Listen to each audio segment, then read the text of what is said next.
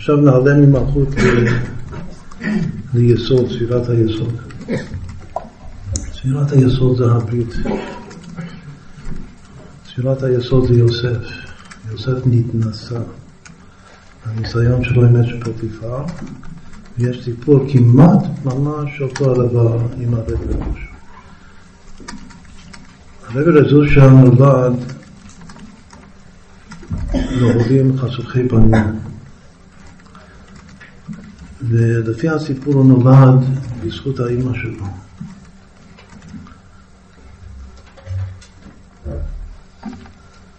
לפני שרב זושה הולך לישון, מי שרוצה ללכת לישון עכשיו, אז לפני שהיה הולך לישון, היה אומר לקודש ברוך הוא, הגות נחתיר, הגות נחתיר. הוא אומר להשם, לילה טוב השם.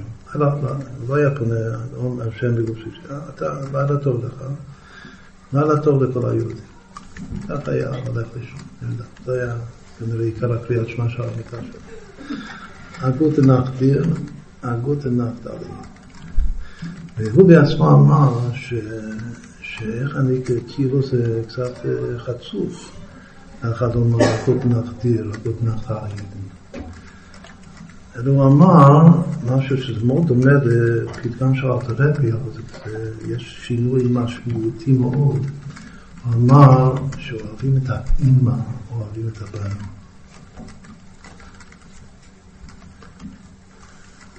זאת אומרת שאוהבים את זה. כלומר שלמעלה הקודש ברוך למי אומרים הלילה טוב לפני שהולכים לשם? דווקא לאימא. אז הוא אומר ש... שמותר לי לומר לשם הגות נחתיר, בגלל שהשם זה אימא. זה לא חצוף ככה לומר. הגות נחדיר, הגות נחתה לידן. לילה טוב, לילה טוב לך, לך, ולילה טוב לכל היהודים. חוץ מזה שלילה בכלל זה בחינת אימא, היום זה בחינת אבא בקבלה, ולילה זה בחינת אימא. עכשיו הדבר הזה, כשהולכים לישון, חוזרים לשאול, בידך הפקיד אותי. ראשי תיבות באר, מפקידים את הנשמה בבאר העליון, שזה יסוד אימא. אבל הדברים מתקשרים במיוחד אליו, בגלל שהוא נולד בזכות אימא שלו דווקא. למעשה שהיה כך היה.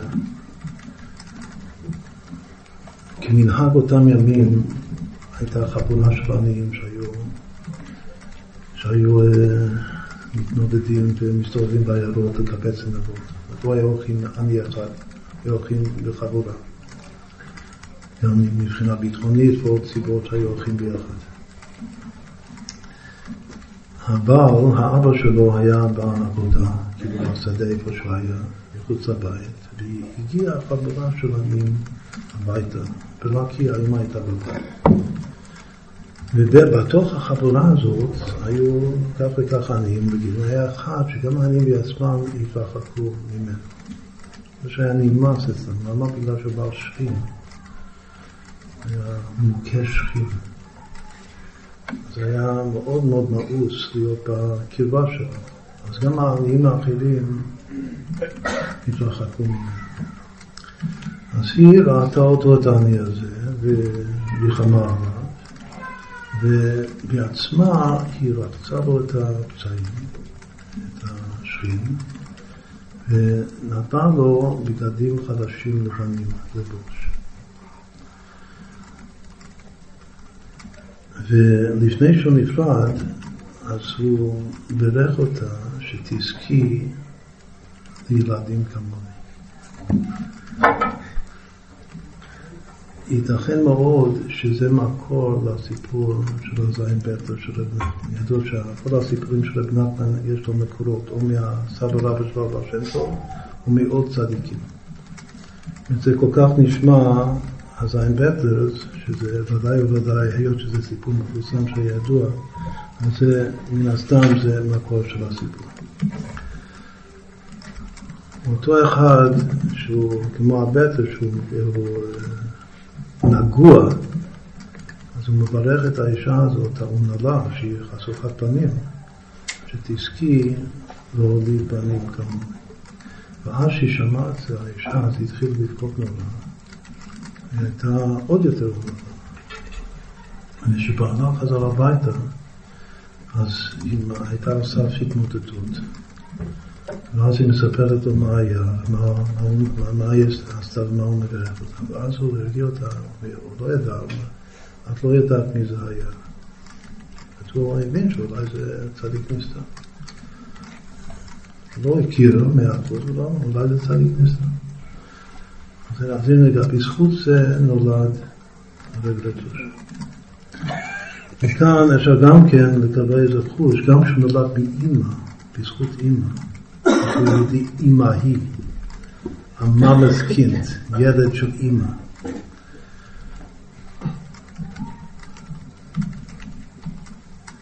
למה הוא עבד על הגוף? למה הוא, הבחינה שלו זה גוף? אימא זה גמוי, זה שורש הגוף מקבלה. זיכוך הגוף. גם כן כשהוא נולד בזכות שהאימא רחצה את הפצעים של אותו מוכה שכין, זה, זה זיכוך הגוף. הוא בירך שיהיה לך ילד כמוני. אם כן הוא צריך גם בגשמיות, צריך לזכך, לטהר את השכין אצלו. או שזה גלוי לעין, או שזה לא גלוי לעין. אבל זו העבודה הפנימית שלו. עבודת השם שלו.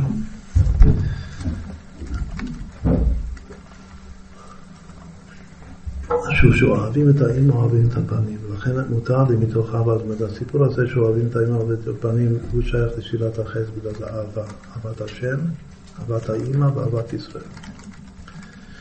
בכל אופן, זה היה חלק מה... אנחנו מדברים עכשיו על היסוד, שסיפרנו איך הוא נולד.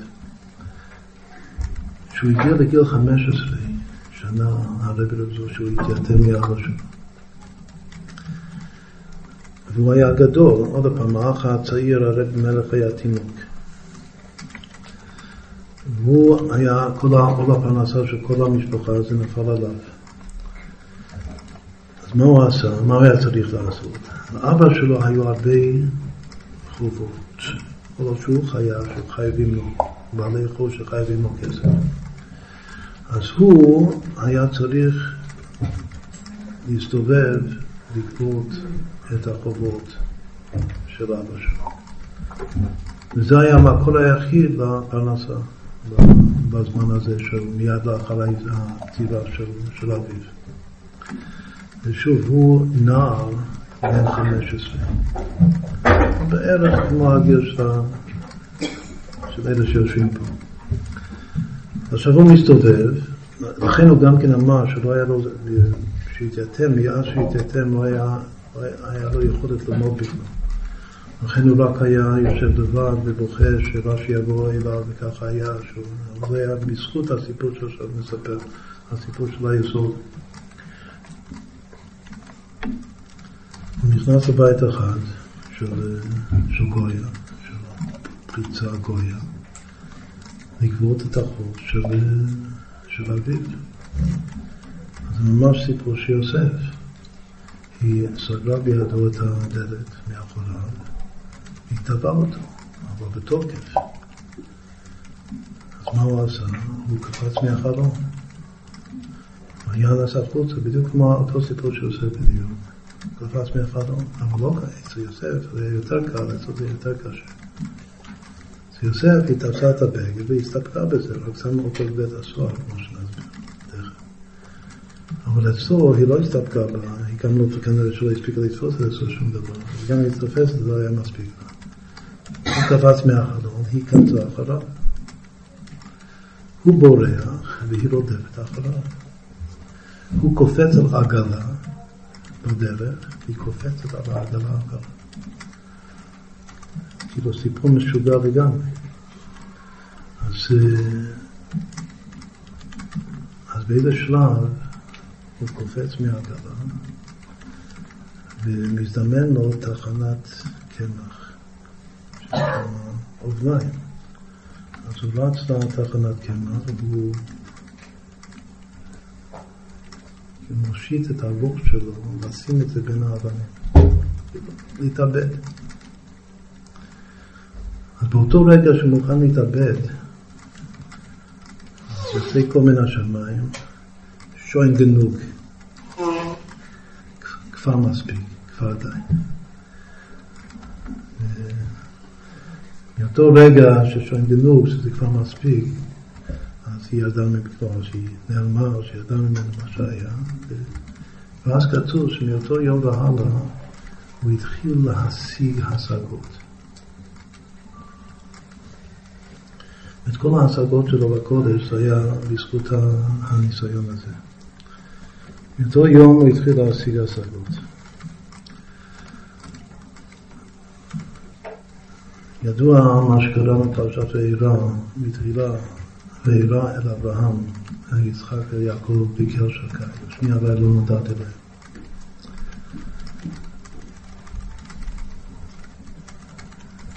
השם שקי זה השם של הברית. לפי הסיפור הזה, שיש לנו פירוש, שזה פירוש קרוב לפשט לגמרי, שמה זה הרי שחז"ל פירשו את השם שקי של הברית, שאמר לעולמו די. עולם זה לשון העלם, העולם שלנו זה עמא דשיקלו, זה ההעלם של השקר, מה שהעולם מעמיד שקר. גם של ספקות באמונה וגם של תאוות, שגם כן התאווה, במיוחד התאווה המינית זה שקר, זה עמא דשיקלו, זה סממן של התמכרות נפשית פנימית לעמא דשיקלו. מגיע רגע שאמר לעולמו די. זה בדיוק הסיפור שלו. מספיק. זאת אם האדם נלחם עם היצר, עושה מאמצים עילאיים, עד כדי כך שהוא אפילו מוכן למות מתוך העגמת נפש של רדיפת היצר. אז יש איזה רגע בשמיים אצל הבעל שם טוב קוראים לרגע הזה הבדלה. מל, לשון ברית מילה. מה שהיה לפני כן זה בסוד הכנעה. מאותו רגע של די, אז הוא מתחיל להשיג השגות. זה נקרא המתקה. אז הוא מתחיל להיות משולם זוסל, שלמות ההמתקה. תענוג, להרגיש תענוג באלוקות. לא דבר, מה זה השם שקי? די. עכשיו גם כן, כל בחור, כל אחד שמתמודד עם, אה, בגלל, ה, בגלל העולם השיקה, עולם השקר שלנו, מתמודד עם הניסיון הזה, אז מאוד חשוב שידע שזה ניסיון, ניסיון הכוונה ש, שצריך לעשות מאמץ, השם, וגם איזה משחק, כל הניסיונות זה, השם צוחק. כאילו, משחק איתם. אבל זה לטובתנו, כי מנסה השם אלוקיכם אתכם לדעת, שנגיע לדעת, לתיקון הדעת. יש רגע מסוים, מי שעומד בניסיון, כלומר שהוא עושה את המאמצים, המיטו הרבי אומר גם משהו מדהים, אפילו שהוא, לא כולם עומדים מאה אחוז בניסיון, יש כאלה שנופלים, נופלים וקמים, אבל כל הזמן משתדלים. אסור להרפות, אפילו שנופלים, אבל משתדלים להתחזק. והשם בוחן את הלב, אכפת לו המאמץ, לא אכפת לו מה שקורה בשטח. בפועל זה שום דבר, גורניש, כמו שנסביר את זה עוד יותר, מעוד סיפור שלו. מה שהשם רוצה, הוא רוצה לראות את איך אתה, מה קורה אצלך בלב. אם אתה, אתה בורח מהשיקסה הזאת, או שאתה לא בורח ממנה. עד היכן אתה בורח, אתה מוכן לשים את הראש שלך בתוך התחנת קמח או לא. עכשיו, ברגע שכן, אז, אז אומרים די. זה ברית מילה. עכשיו, הדי הזה, אצל, אצל, אצל הרב זו שגם לפי הסיפור, השם שקי, ההופעה של שם שקי, זה בא בו ביום, באותו יום שהוא עמד בניסיון הזה. אבל אצל הצדיקים הכי גדולים זה לא חייב לבוא באותו יום. למשל יוסף הצדיק, אחרי שהוא עמד בניסיון, אז uh, הוא הצליח בניסיון, כל כך הצליח, כמו שגם מוסבר במקום אחר, שהוא הצליח כל כך ששם אותו בבית סוהר. יש לפעמים חסיד שעושה איזה מפץ או משהו, אז מה, מה מגיע לו? משכיבים אותו על השולחן ונותנים לו מכות. יש לי גם שההצלחה, אם יש טיפת יש, ישות בתוך ההצלחה, שהצלחת לעמוד בניסיון, שעכשיו מגיע לך מכות. על ההצלחה שלך.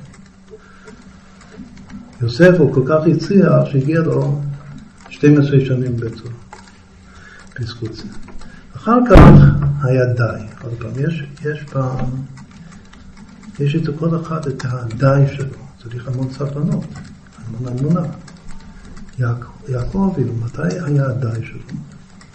לפני שהבנים ירדו למצרים, פעם שנייה, אז הוא מברך אותם בקר שקי, ייתן לכם רחמים לפני האיש.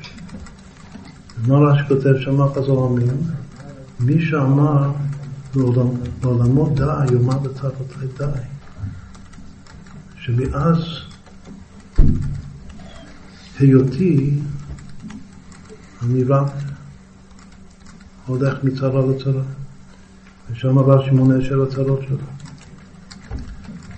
מתי בסוף השם אמר די? שיעקב היינו בחיר האבות. מתי הגיע הדם שלו? בגיל 130.